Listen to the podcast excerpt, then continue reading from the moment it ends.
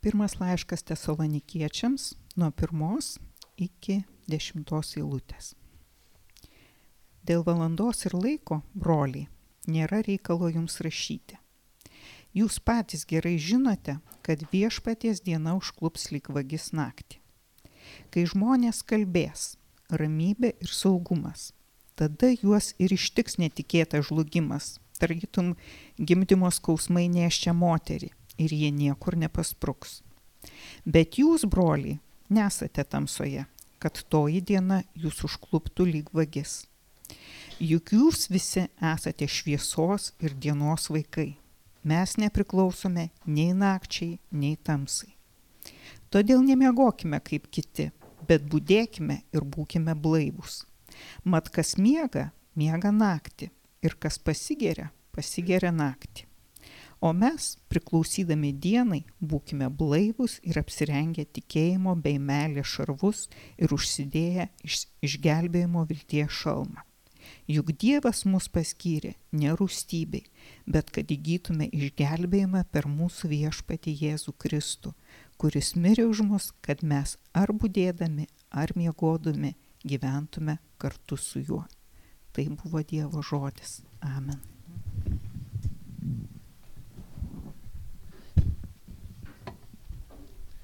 Dar trumpai pasimelskime. Dangiškasis tėvė, mes prašome, kad tu atvertum savo žodį, atvertum šventą įraštą, kad tu per jį mums kalbėtum į mūsų širdis ir protus, kad mes iš ties būtume pripildyti tavo malonės tiesos, kad būtumėm šviesti, būtumėm patraukti arčiau tavęs ir kad mes um, būtumėm pašventinti, kad kiekvienas iš mūsų savo raidoj, savo gyvenimo, dvasinio gyvenimo etape būtumėm pamokyti, ugdomi ir drąsinami Jėzuje Kristuje. To prašom per Kristų ir sakome Amen. Prisėskim visi. Skaitėm tekstą iš pirmo laiško tesalonikiečiam. Šiandien peržvelgsim penktą paskutinį skyrių ir, ir tuomet mes turėsime, e, manau, kad gerų pamokymų. Pirmas dalykas, tai Paulius kalbės apie tai, Paulius kalba apie tai, apie viešpaties dieną apie tai, kas yra viešpaties diena ir tada iš to išplaukiančios išvados, kaip mes turėtumėm gyventi kasdien, jeigu mes suvokiam, kad ta viešpaties diena yra, ateina, kad jinai neišvengiama ir kaip tada mes turėtumėm, kaip krikščionis, tą viešpaties dieną primti savo gyvenimą ir, ir, ir gyventi. Taigi, man patinka tas mūsų užrašas kasdien su Kristumi, dėl to tai pavadinu pamokslą, nes aš galvoju, tai toksai nepretenzingas, bet skatinantis priminimas pabūti kiekvieną dieną su Kristumi, būti su juo, gyventi su Kristumi, kasdienybei, kasdieną, kiekvieną gyvenimo dieną. Ir kai kažkokie ypatingi įvykiai mūsų gyvenime vyksta. Ir tiesiog paprastą dieną, kai, kai mes gyvenam, atsikeliam, dirbam, tvarkomės susivėlusiais plaukais, tik ne aš. Atsikeliam ryte iš lovos ir puolami darbus ir kad prisimintumėm, kad mes pašaukti šiandien būti su Kristumi, kasdieną, kasdienybei, kasdienybei. Taigi, važiuokim toliau, kasdien su Kristumi ir pirmas momentas. Ne? Apaštalas Paulius sako, dėl valandos laiko broliai nėra reikalo jums rašyti, antrą eilutę toliau. Jūs patys gerai žinote, kad viešpaties diena užklups lik, naktis, e, lik vagis naktį. Taigi, E, apaštalas Paulius moko apie laikų pabaigą, apie Kristaus sugrįžimą, kitaip vadinamą viešpaties dieną. Jeigu atsiversim skyrių atgal, ketvirtam skyriui 13, tai sako, aš nenoriu broliai, aš nenoriu, kad jūs broliai liktumėte nežinioje dėl užmygus ir nusimintumėte kaip kiti, kurie neturi vilties. Taigi reikia aiškumo. Paulius nori nešti aiškumo žmonėms, kad jie nesiblaškytų nežinojimu arba nebūtų suklaidinti kitų kažkokiais mokymais, aiškimais, interpretacijom, kaip čia viskas baigsis, kas bus paskui, kas bus ateityje.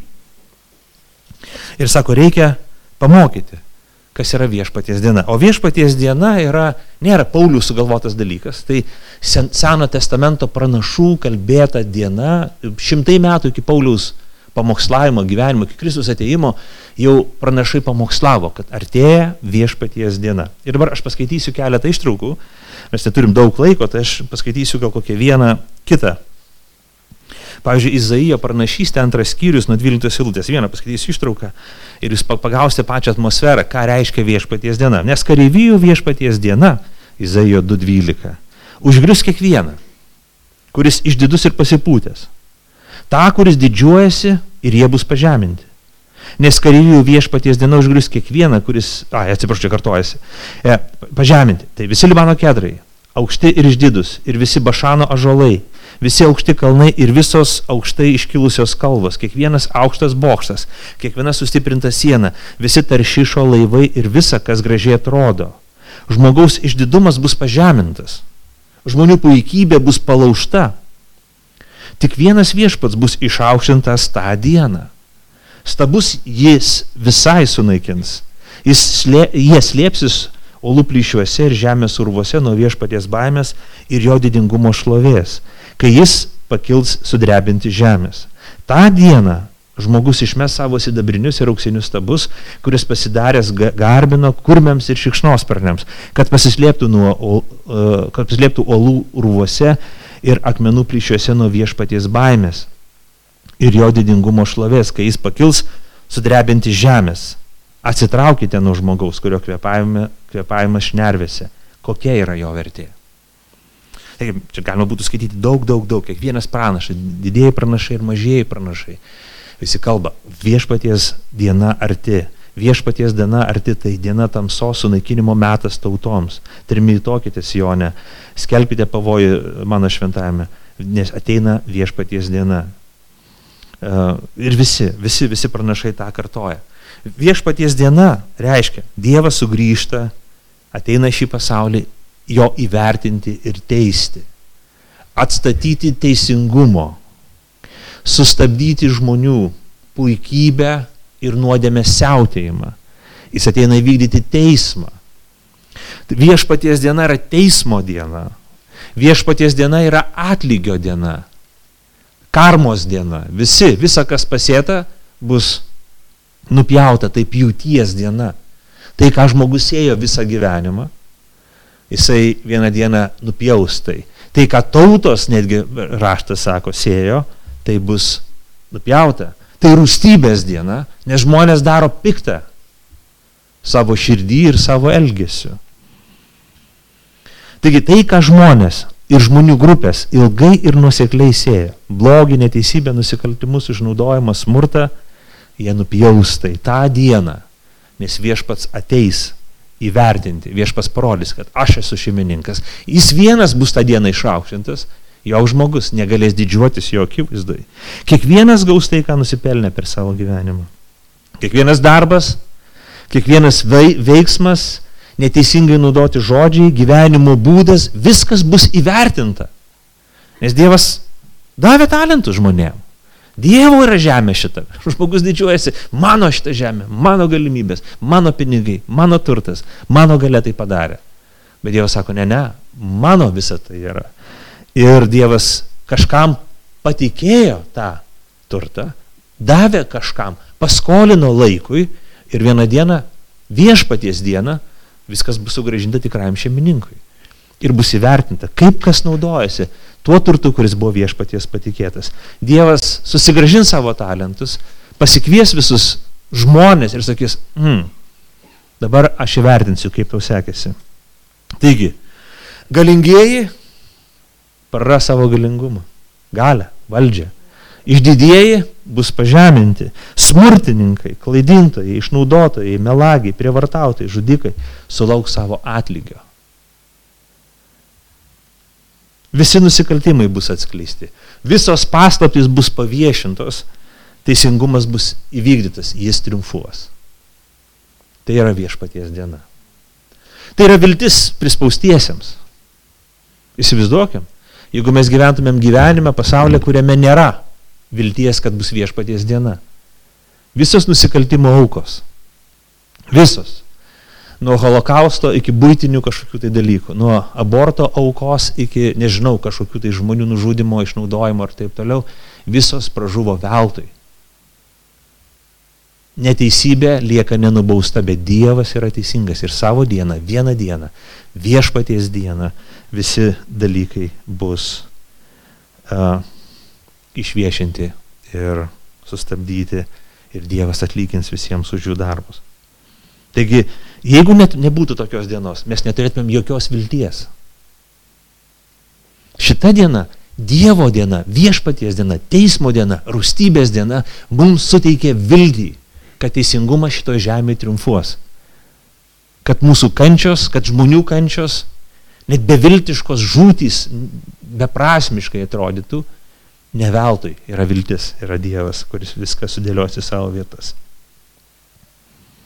Taigi, be šitos dienos ir teisingumas būtų mitas. Teisingumas te būtų tik tai stipri, stipresniojo gale. Kas turi didesnę galę, to teisingumas ir yra. Bet ne, yra ne tik to stipresniojo teisingumas, yra absoliutus viešpatys teisingumas ir jisai galiausiai viešpataus. Viešpats nepaliks nedorelį, nenubaustų. Kiekvienas sulauks savo atlygį. Tačiau svarbus momentas. Uh, svarbus aspektas, klausykim, brolius esate. Kad ne tik žiūrėjai pasaulio bus teisiami, bet visi ir aukos.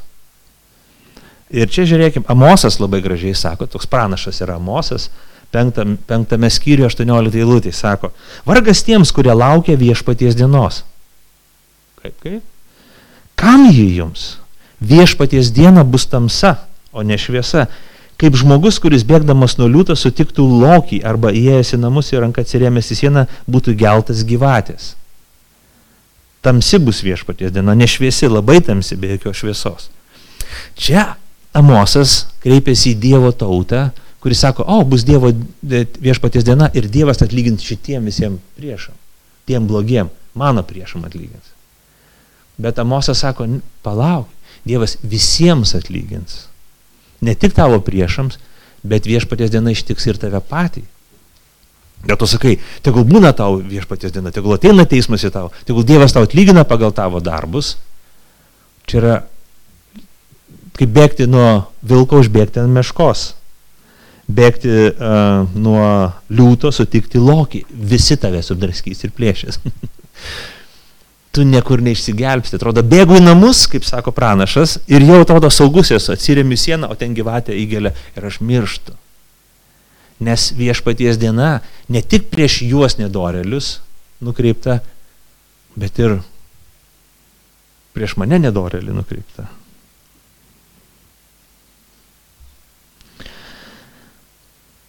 Jis visiems nedoreliams, visų žmonių teismas, visus įvertins ir taip toliau. Tai Dievo tauta kartais tai pamiršta, kad ji pati bus vertinama ir teisiama, kad jai pačiai reikia turėti kažkokį pateisinimą, išteisinimą. Ir negali galvoti, kad teismas bus tik mano priešams, nes mano priešai galvoja lygiai taip pat apie mane. Kad aš esu jų priešas ir Dievas mane dabar baudžia per jų rankas ir per jų darbus. Taigi mes visi visiems priešai, bet Dievas visiems yra teisėjas. Taigi žydai buvo įsitikinę, kad tas žydų pranašai buvo įsitikinę, kad tai bus konkreti diena. Ne tik, kad subjektyviai kiekvieno žmogaus gyvenime, tarkim, žmogus miršta ir štai jam įvyksta Dievo teismas. Šiaip iš tikrųjų taip ir yra. Viskas, jisai atsistoja prieš savo kurėją, plikas ir nuogas, taip kaip gimė. Viskas, nieko ten, ką užsidirbo turėjo, viskas nubyra, nubyra viskas, kaip pražydėjusi gėlė, viskas nubyra, nieko nelieka, visi žiedai, lapeliai nukrenta ir, ir lieka tik esmė, tik siela ir atsistoja Dievo akivaizdui. Bet ne tik individualus dalykas. Pranašai buvo įsitikinę, kad įvyks tokia diena, kai viešpats atsistos ir bus regimas visam pasauliui. Ir krikščionis antrina tą pačią mintį ir sako, taip, taip, taip. Nuojo testamento autoriai antrina, sako, taip, ateina ta diena. Ir jie sako, tai yra Kristaus sugrįžimo diena. Kristus sugrįš į šį pasaulį ir jis ateis uh, Nebe kaip avinėlis, nes jisai du kartus šitame pasaulyje pasirodys. Pirmą kartą jau pasirodė prieš 2000 metų ir iš šitą pasaulį atėjo kaip avinėlis. Jonas apie jį liūdė. Štai Dievo avinėlis, kuris naikina pasaulio nuodėmę. Jėzus atėjo, kad būtų paukotas ant kryžius už mūsų nuodėmę. Atėjo taikus ir be jokių ambicijų. Ne kaip teisėjas, bet kaip teisiamasis. Teisus ir šventas. Dievo sunus, niekada nepadaręs nuodėmės. Atėjo parodė, kaip atrodo žmogus, kaip turėtų atrodyti Dievo žmogus, kaip turi gyventi, jis įvykdė teisumą ir prisėmė mūsų nuodėmės ant kryžiaus. Kai jis buvo teisiamas, jis nieko neatsakė. Jis nesigynė. Toks jausmas, kad jisai visiškai pasidavė, kaip pavinėlis vedamas į skerdyklą, jokio pasipriešinimo. Ten klaus, įkaltina, sako, tu nieko neatsakai, bet jis nieko neatsakai. Su erodu net nekalbėjo, net nei žodžio neištarė erodo akivaizdoje. Jėzus teisiamas, kaip buvo teisiamas. Kai jį keikė, jis nieko neatsakė, laimino ir meldėsi už tuos. Tėvė atleis jiems, nes jie nežino, ką daro. Avinėlis. Pirmas jo ateimas. Jėzus prisikėlė iš mirties, buvo nužudytas, prisikėlė iš mirties. Yra visiems mums išteisinimas, jeigu tik patikim Jėzų, jis mūsų išteisintojas yra. Bet antrasis jo ateimas, kuris bus ateityje, ta viešpaties diena, jis tada ateis nebe kaip avinėlis, bet ateis kaip liūtas. Ateis kaip teisėjas. Nebe kaip auka už nuodėmę, bet kaip atlygis visiems, kaip teisingumo atsta, atstatytojas. Būtent ta viešpaties diena, kuri buvo pranašauta šimtmečiai iki Jėzaus. Ir išsipildys Kristaus sugrįžimo dieną. Žiūrėkime, tame pačiame laiške tesalnaikiečiam, jeigu jūs atsiverstumėt e, pirmą skyrių, aštuntą eilutę ir toliau. Mat iš jūsų viešpatie žodis nuskambėjo ne tik Makedonija bei Echaja, bet jūsų tikėjimas Dievų pasklido visur ir jau nebereikia nieko kalbėti, jie patys pasakoja a, apie mūsų atvykimą pas jūs ir kaip jūs nuostabu atsivertėte prie Dievo tarnauti gyvajam bei tikrajam Dievui ir laukti iš dangaus jo sunaus, kuris, kurį jis prikėlė iš numirusių, Jėzaus gelbsničio mus nuo ateinančios rūstybės dešimtailutė. Taigi Evangelija sako tokį daiktą. Viešpaties diena, rūstybės diena ateina. Ir Jėzus Kristus yra tas gelbėtojas, kuris gelbsti manus nuo tos dienos. Taigi krikščionis neatšaukia, krikščio, Evangelija neatšaukia rūstybės dienos, teismo dienos, viešpaties dienos, bet jinai krikščionybė ir Jėzaus skelbimas paaiškina, pasirodo, mes visi verti esam tos pražūties, bet Jėzus Pirma atėjo prieš viešpatys dieną, kad numirtų už mūsų nuodėmės, kad išteisintų, kad suteiktų galimybę susitaikinti su Dievu, kad viešpaties diena mūsų nepražudytų, bet mus išgelbėtų. Greitai, dar prieš eidamas į teismą, susitaikink su savo kaltintoju, kad jisai neįduotų tavęs į kalėjimą, nes jeigu duos, ne, neištruks iš ten, kol nesiteisi už kiekvieną padarytą nuodėmę ir nusikaltimą. Jėzus sako kalno pamokslė, jis kalba apie savo mirtį. Apie tai, kad, ei, žmonės, jūs einate į teismą, jūs prokuroras, teisingumas, Dievas, jūs kaltins, jūsų sąžinė tam patvirtins, kai Dievas sakys, tu nusidėjai, tu padarai tą ir tą, tu negali sakyti, aš nepadariau, nes sąžinė Dievo akivaizdai bylos tiesa, aš padariau, aš vertas, aš kaltas. Ir Evangelija kviečia, Ei, ieškok Jėzaus, ieškok pateisinimo, šaukis Kristus, kad apvalytų, kad nuteisintų tave, kad tave Dievas priimtų kaip savo sūnų, kad tu būtum, tavo nuodėmė būtų pridengta.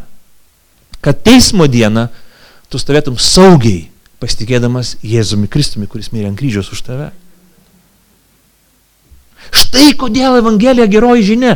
Evangelija nėra geroji žinia viskam išlepusiam, gerai apie save galvojančiam žmogui. Tas, kuris galvo, kad jis geras, jis nieko blogo nepadarė, jis save myli, save, save, savim tiki, jisai savo savivertę užsiemęs. Jam Evangelija nėra geroji žinia, bet keista, keistas dalykas, kažkoks keista idėja ir filosofija.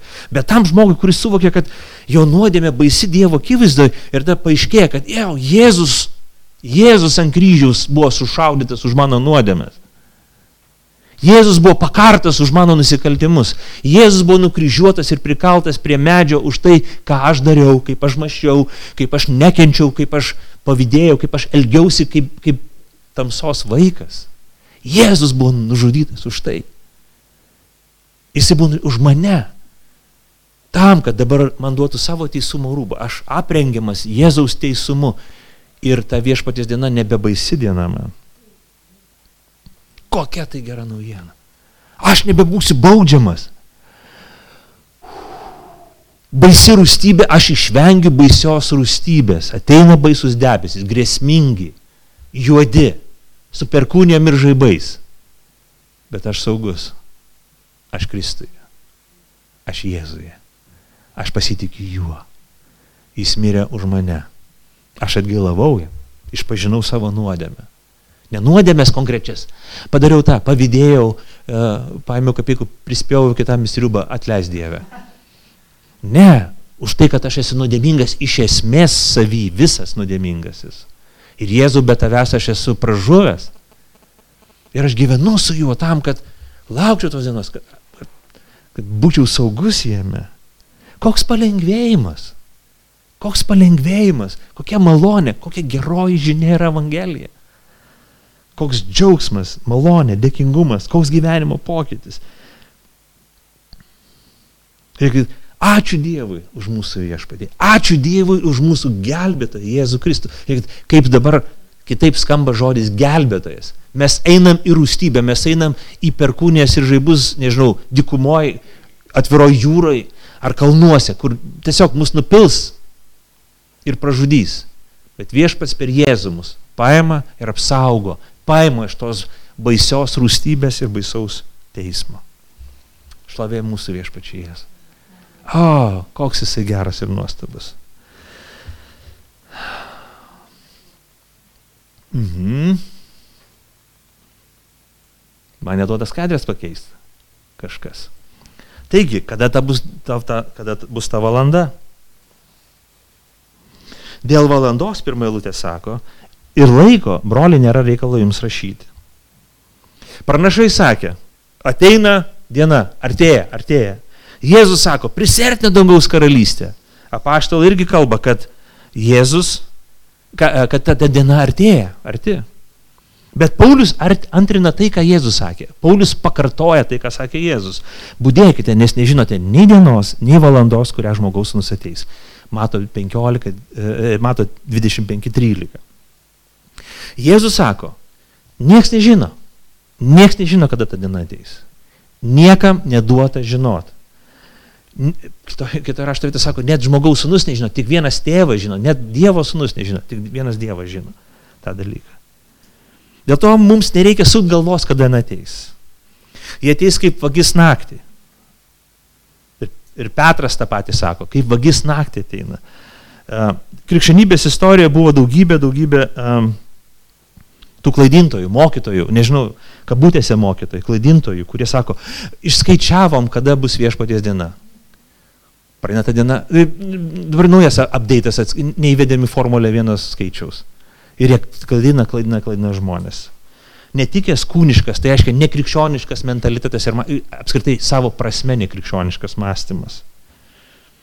Net nereikia mums galvoti. Kai žmonės kažkas jums aiškiai sakys, aš žinau, kada bus viešpaties diena, kada bus teismo diena, pasaulio pabaiga ar panašiai.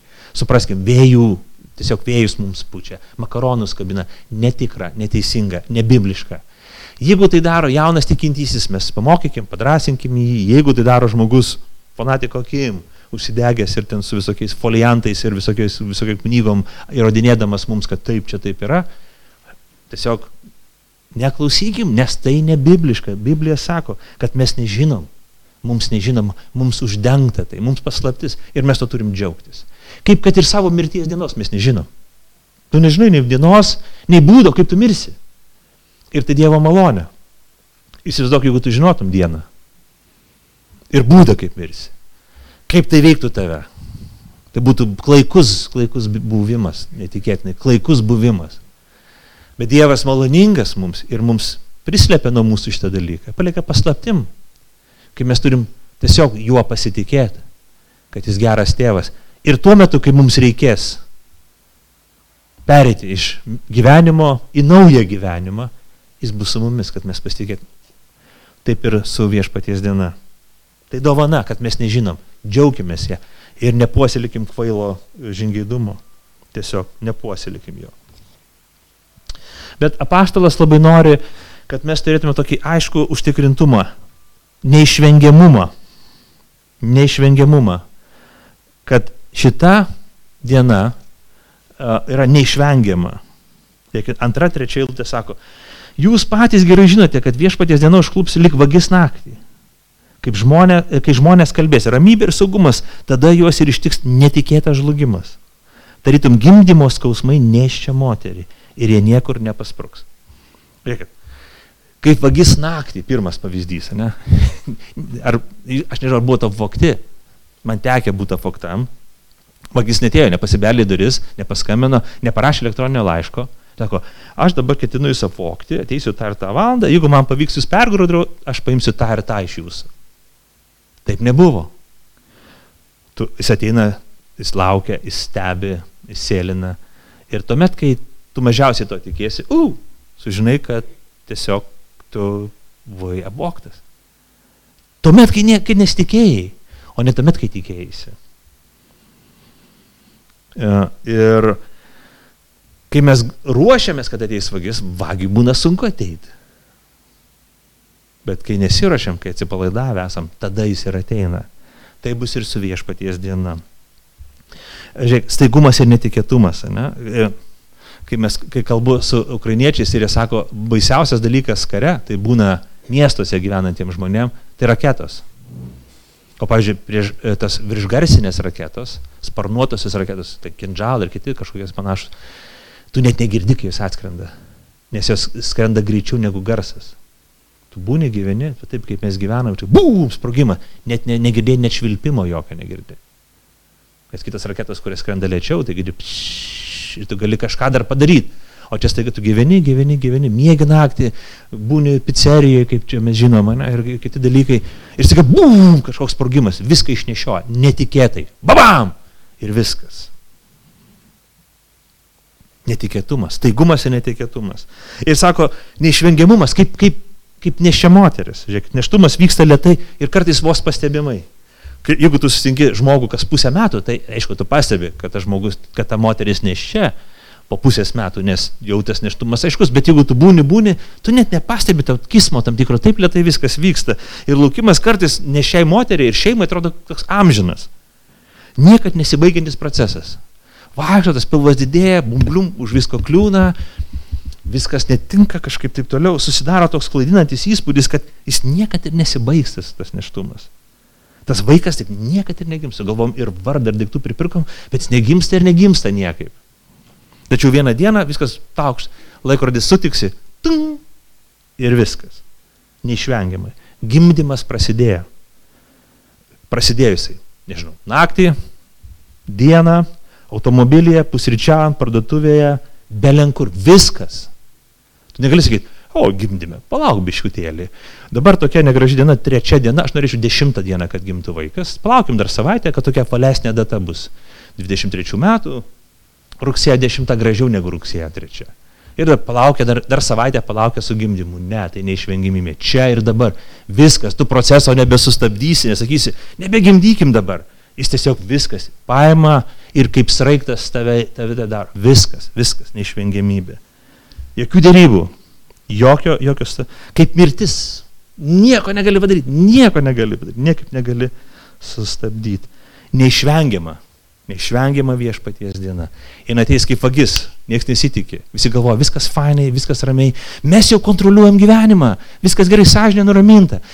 Gerbu visus susikūrėm, viskas atrodo, gyvenk ir džiaugis, gyvenk ir žvenk ir viskas. Ir staiga, kauš, kaip raketa, kaip kometa, kaip, kaip torpeda, bum, sprogimas. Ir neišvengiamumas.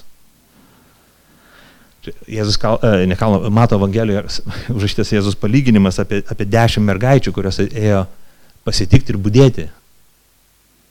Ir jis eina, būna, penkios pratingos, penkios kvailos, vienas pasiemė daugiau aliejaus, kitas nepasiemė aliejaus, pasiemė prožektorius, bet batareikų kitų papildomų nepasiemė. Ir tos, kur neturėjo batareikų, galvo paryčiai, reikia dar reikia nusipirkti Maksimą, nusipirkti, ir išeina į Maksimą nusipirkti. Ateina, o jau, jau paėmimas įvyko, viskas įvyko, po per vėlų. Kvailystė. Nebėra laiko, kada keistis. Sako, ei, numeskit mums batareikų, duokit mums batareikų. Sako, ne, sako, sorry, tu neturi savo, tu ne, nebegali, nebegali paskolinti. Tu gyvenai gyvenimą, tu nebegali sakyti, o dabar staigiai tapsiu teisus, atgailausiu, staigiai, va staiga, Jėzus ateina, aš atgailauju nebėra laiko, viskas neišvengia, vyksta tiesiog pasiekmes pareina. Tokie, kokie esame, atsistojam Dievo akivaizdoje. Ir Paulius kalba, aišku, tas didelė pagoda, pamokymas, kad jisai išskiria krikščionis ir nekrikščionis. Mes apie tai kalbėjom jau, ne, kad Kristus atėjo tam, kad atpirkti, kad išgelbėti mus nuo šitos baisios dienos, nuo teismo dienos. staiga ateinančios, kaip, na, kaip vagis naktį, neišvengiamos dienos, Jėzus atėjo mus išgelbėti. Ir čia mes turim tą skirstimą, Paulius sako tą skirstimą, kai žmonės kalbės, tada juos ištiks, jie niekur nepaspruks trečią eilutę. Jie, ir kalba apie mus, kad jūs, broliai, nesate tamsoje ketvirtą eilutę. Juk jūs visi esate šviesos ir dienos vaikais. Mes nepriklausome nei nakčiai, nei tamsai penktoji. Aštunta. O mes priklausydami dienai. Būkime blaivus ir apsirengę tikėjimo bei meilės šarvus ir sudėję vilties, uh, išgelbimo vilties šalmą. Devinta, dešimta eilutė, žiūrėkit, kaip stipriai skamba. Juk Dievas mus paskyrė nerūstybei, bet kad įgytume išgelbimą per mūsų viešpatį Jėzų Kristų, kuris mirė už mus, kad mes ar būdėdami, ar mėgodami gyventume kartu su juo. Taigi čia atsiveria didžioji krikščionio ir nekrikščionio skirtis. Skirtumas tarp tų, kurie priėmė Kristų, atgailavo ir seka paskui jį, ir tų, kurie atmetė Kristų, netgailavo ir neseka paskui jį. Jei mes atgailavome, jei žmogus atgailavo, jeigu jis suklupo prieš Kristų ir pavedė savo sielą jam, jis yra nebe tamsa, bet šviesa. Būtų paviršutiniška ir kvaila manyti, kad viena malda, aš pasimeldžiau maldą, kaip mes dažnai sakom, aš girdžiu bažnyčiai, o jisai meldėsi atgailos malda. Ką tai sako? Nebūtinai kažką tai sako. Būtų naivu manyti, kad viena malda viską pakeitė. Nes turi keistis viskas. Ne tik tai aš turiu būti pasimeldęs Jėzui kada nors gyvenime ir toliau gyventi kaip velnės. Bet aš mano gyvenimas turi būti perkeistas. Visos gyvenimo sritis turi būti apšviestos. Jūs esate ne tamsos, bet šviesos vaikai. Tai jeigu mes esame ne tamsos, bet šviesos vaikai, mes turime būti, gyventi, atrodyti kaip šviesa, o ne kaip tamsa. Turi būti kontrastingas vaizdas tarp to, ką mes vadiname tamsa ir šviesa. Man labai didelį kontrastą sukuria važiavimas naktį ir dieną. Kai naktį važiuoju, aš būnu įsitempęs, nes nežinau, kas, kas vyksta periferijai. Aš nematau, kas gali iššokti ir taip toliau, o aš mygdomas ir, taip, ir, ir panašiai. Dieną man lengviau, saugiau, aš daugiau matau, viskas aiškiau matosi. Taip ir žmogaus gyvenime, jeigu jisai patikėjo Jėzumi Kristumi, jo gyvenimas bus kaip šviesa lyginant su naktim. Su tuo, kas nepatikėjo Kristumi.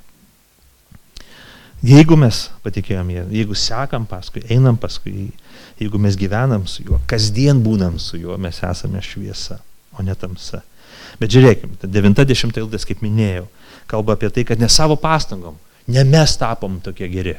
Ne mes išsišviesinom, pasituningavom ir tapom šviesos vaikais.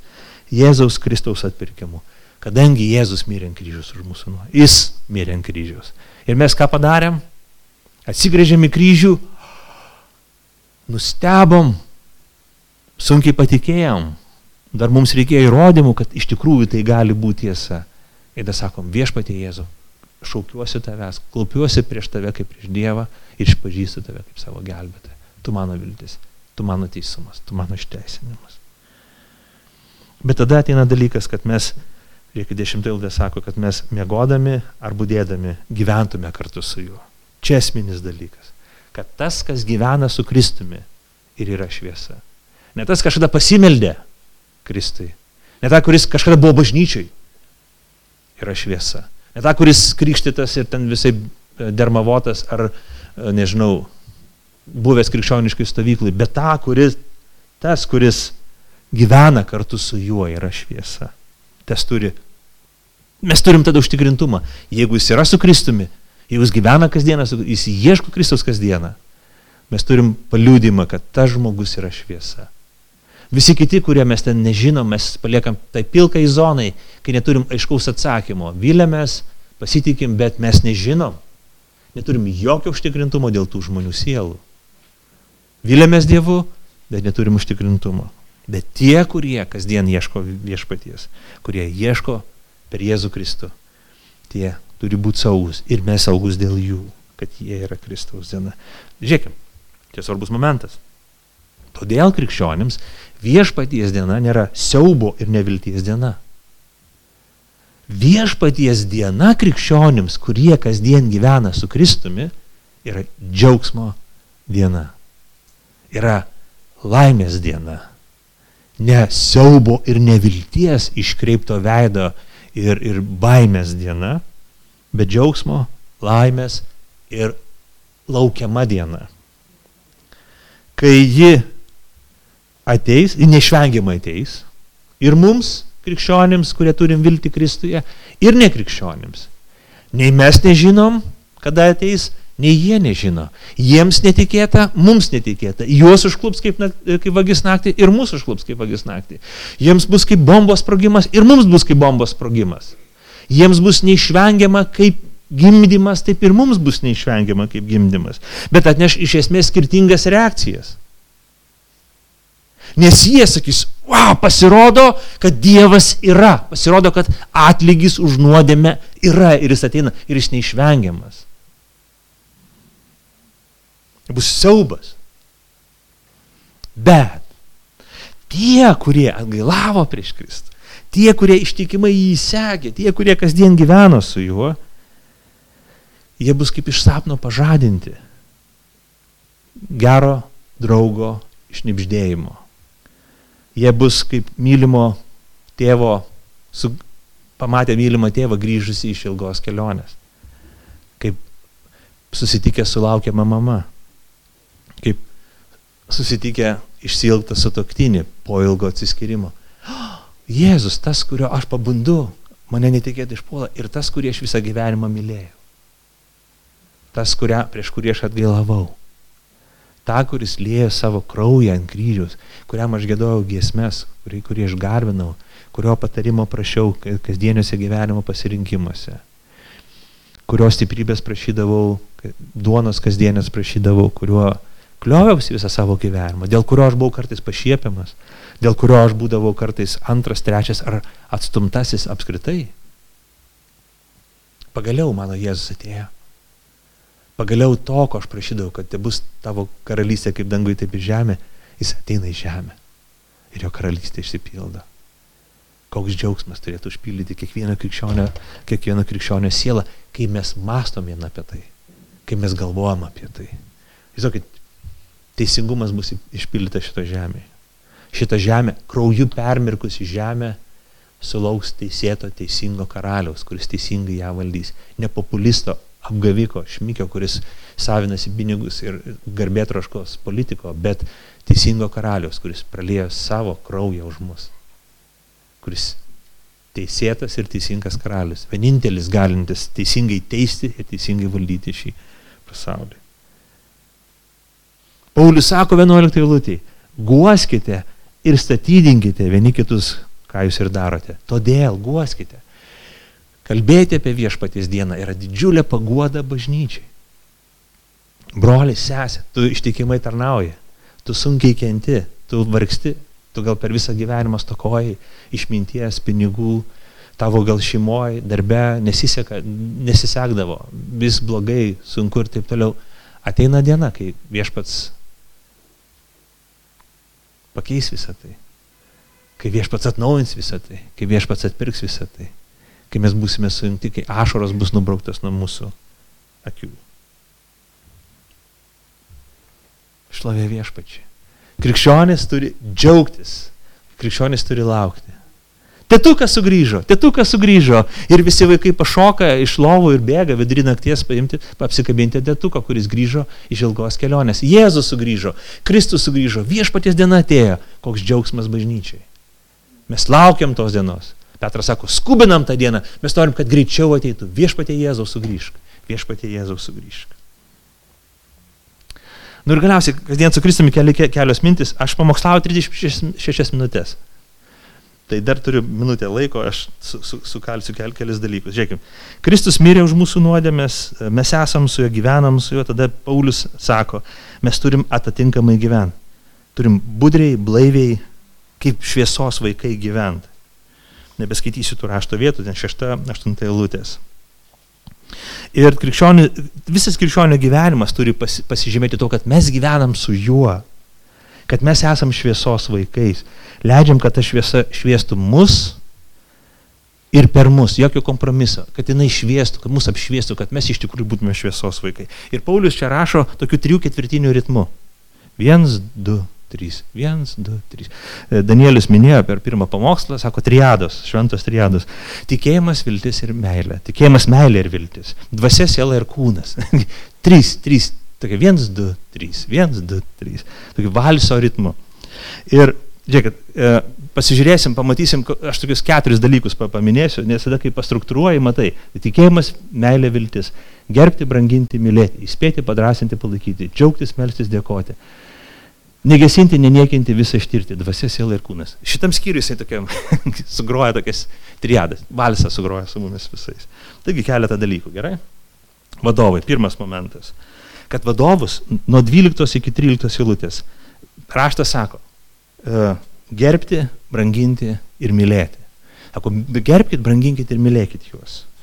E, bendruomenė taip turėtų daryti. Čia e, pastorius Jonas Piperis, jis tokią gerą mintį pasako, tris dalykus, ką, kaip lyderiai turėtų elgtis bažnyčiai. Aš irgi paminėsiu, kad lyderiai, žiūrėkit, sako, gerbti tuos, kurie darbuojasi tarp jūsų. Jie nėra kažkokie aukštesni, jie yra broliai jūsų tarpe. Nėra didesni, nėra rangų bažnyčiai, nėra aukštesnės klasės bažnyčiai. Visi mes esam broliai ir seserys. Ir tie, kurie vadovauja, jie yra tarp jūsų. Tokie pat kaip jūs, ne, nėra aukštesni. Nebent ūgių tik tai, fizinių. Bet šiaip ne. Antras dalykas, visgi jie vadovauja kurie vadovauja jums viešpatyje. Taigi jie kaip piemenys ganyklai, tam tikrą prasme kaip kaimeniai, jie šiek tiek aukštėliau, jie prižiūri, jie rodo iniciatyvą, jie vadovauja, prisima atsakomybę ir ryštasi daryti, padarykim kažką, veikim kažką, eikim kažkur. Ir prisima tam atsakomybę ir galiausiai, sako, jie teikia jums pamokymų, jie moko. Moko bažnyčia, vadovai moko, ugdo bažnyčią, teikia pamokymų, teikia išvalgos, ugdo tikinčiuosius, ugdo susirinkimą. Ir tas sako, tokius žmonės reikia, reikia a, gerbti. Gerbti, branginti, mylėti baž, turi bažnyčia mokyti. Man visai nepatogu tai kalbėti bažnyčiai, nes, sakys, Ramūnas nori, kad va, taip mes jį priim. Ką tai, ką tu Ramūnai nori pasakyti? Nu, ką Paulius norėjo pasakyti? Kad tai teisinga bendruomeniai. Jeigu kažkas aukojasi dėl bendruomenės, ugdo bendruomenę, bendruomenė turėtų tai įvertinti. Ir tai teisinga. Jeigu aš teikiu mokymą, aš vat, buvau tame, toje konferencijoje, kurią minėjau, uh, Anvil Leadership, Ir buvo vienas uh, mokytojas, man Skandinavija nelabai patinka, bet jisai iš Skandinavijos gyvena Junktiniai karalystėje. Ir aš esu matęs jį kažkaip girdėjęs, bet aš niekada negirdėjau, kaip jis moko. Ir galvoju, ką jis pamokys. Ir kai pradėjo mokyti, aš galvoju, kokią viešpatės išmintį jis patikė. Tiesiog mano siela pamilo šį brolį, mano tėvo amžiaus žmogus. Ir aš galvoju, kaip aš norėčiau, kad mane mokytų, kaip norėčiau, kad jisai pertų savo išminties, savo patirties, kol dar jis yra šito žemėje. Nes jisai Visą gyvenimą studijavo Dievo žodį. Originalo kalbomis mokėsi, dėstė kitus ugdė. Ir kiek jis turi turto, kurį galėtų pasidalinti su manim, tokiu vargšu žmogum, kuris nuo jaunystės esu bažnyčiai, bet sakai, bėgiai darai, darai veikiai ir neturi laiko gražiai prisėjęs ir tiesiog giliai studijuoja Dievo žodį. Kitokia malonė, kitoks laikas. Ir tu supranti, kad labai teisingas dalykas pagarbos ir meilės santykis tiem žmonėm, kurie ugdo, kurie moko, kurie tarnauja. Ir bažnyčia tai turi daryti. Džonas Papiris sako, taip yra kažkur, kai mes duodam malonę, bažnyčia tai turi daryti ir turi mylėti žmonės be jokio nuopelno. Bet čia sako yra, kai mes darom, mylim ir gerbiam žmonės už jų nuopelnus, už tai, ką jie padarė. Ir tai irgi bibliškai teisinga. Santykis vienas į kitus. Įspėti, padrasinti ir palaikyti. 14 eilutė. Įspėkite nedrausminguosius, padrasinkite liūdinčius, palaikykite silpnuosius mes dažnai norim, kad bažnyčiai pastorius būtų, o, kaip faina, kaip gerai, aš tik drąsinu, drąsinu. Ir tas postmodernus 21 amžiaus bažnyčios žodis - drąsinti. Oi, tu tik daryk, toks psichologas, psichoterapeutas. Gerai, viskas gerai, žinok, tu prim, mylėk save, mylėk save, aš noriu, kad tu mylėt, išmoktum mylėti. Žinok, tu nemylėsi kitų, neišmoksi mylėti kitų, kol neišmoksi mylėti save. O tokio pastorius visi nori. Bet čia yra apgavikas. Jisai yra, jisai vilkas užsidėjęs avies kailį, jisai piktas darbininkas. Nes niekad Paulius, niekad raštas, niekad Evangelija, niekad Kristus tokių žodžių nekalbėjo. Ir tikėjimo bendruomenė lygiai turi būti atspindinti Kristaus žodį. Bendruomenė labai skirtinga, žmonės bendruomenė labai skirtingi. Vienas, kas mus turi jungti, tai tas geranoriška dvasia atvira širdis, bet mes turim suprasti, ką mes turim įspėti, nes kažkam reikia įspėjimo Ką mes turim padrasinti, iš tikrųjų turim drąsinti, nes kažkas nuliūdęs ir nebeturi jėgų. Kažką reikia palaikyti. Ir tikėjimo bendruomenė, brandi tikėjimo bendruomenė, jinai turi skirtingus žodžius. Atranda skirtingus žodžius skirtingam žmonėms, skirtingose situacijose. Tam pačiam žmogui, skirtingose aplinkybėse kalba skirtingus žodžius. Tai, kas reikalinga - išminties ir pažinimo žodį. O ne vieną kažkokį klišę, atkartotą vieną klišę. Vienodą maldą, vienodą patrasinimą visiems Nes tai nėra branda. Tai nėra branda. Paulius sako, būkit, būkit geranoriški, bet ne vieno elgesio, ne vieno modelio, ne vieno šablono, ne vienos klišios e, suformuoti žmonės. Būkit dievoti. Žiūrėkit, vėlgi, džiaugs, džiaugtis, melsis ir dėkoti. Džiaugtis, melsis ir dėkoti. Aš ne, nesiplėsiu. Dievas, išgelbimas yra džiaugsmo ir dėkingumo šaltinis, malda į mūsų gyvenimo būdas. Dar viena mintis, kuri labai gera. E, kitų iniciatyvos, kitų žmonių tarnavimas ir iniciatyvos. Sako, negesink, neniekink, bet viską ištirk. Negesink, neniekink, bet viską ištirk. Negesinkit dvasios, neniekink pranašavimų, visą ištirkite to, kas gero laikykitės. Turim du tokius e, kraštutinumus. Iš vienos pusės mes bet kokią iniciatyvą, kas tik pasako kažką, rankinį užtraukiam, ne.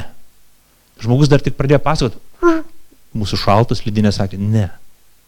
Ne. Ne. Mm -mm. O kas čia nesąmonė? Kam čia reikia? Viskas čia gerai. Ne, nereikia. Toks skeptiškas atmetimas. Dar neišgirsti pasakymo, tiesiog ne. Uh, gesini dvasį. Iš kur tu žinai, išklausyk, pasvarstyk, pagalvok, sustok. Bet vat, vienas kraštinumas - rankinis užtrauktas. Kitas kraštutinumas - visai ką ant gazo pedalas numautas už, uždėta ten. Viską priimam.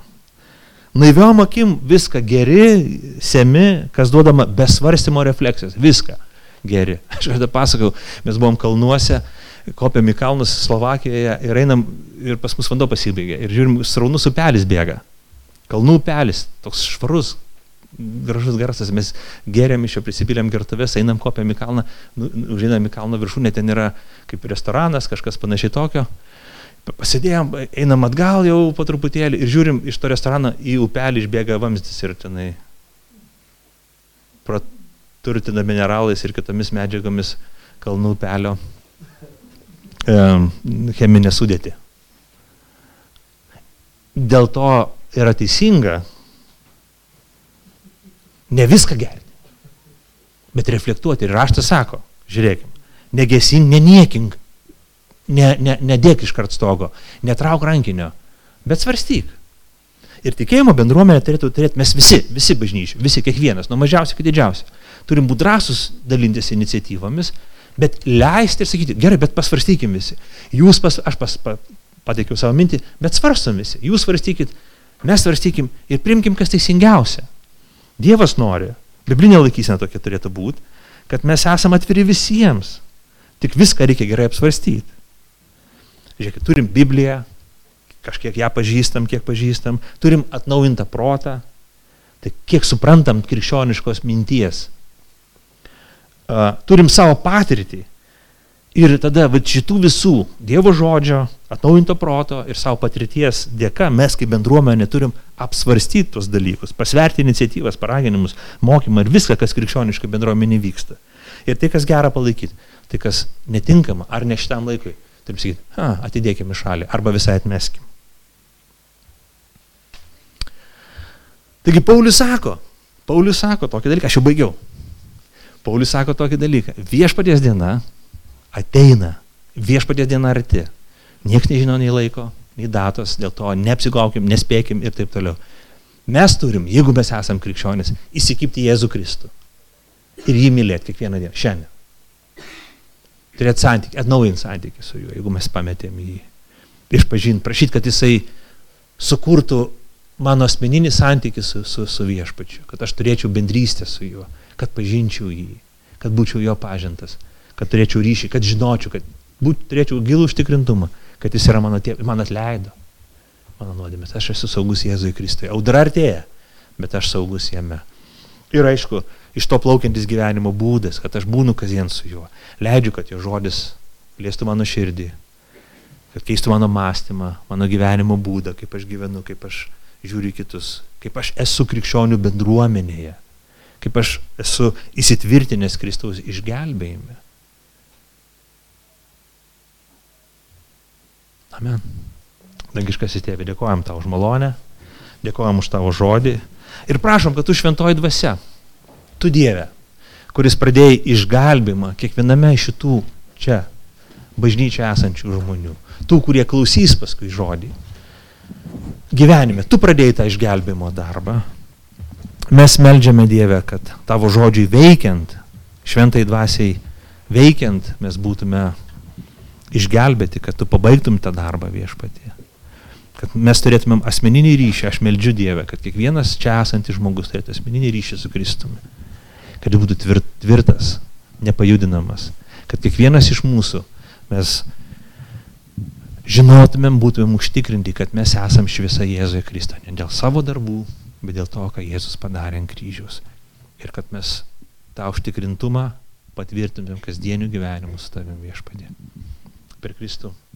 Amen.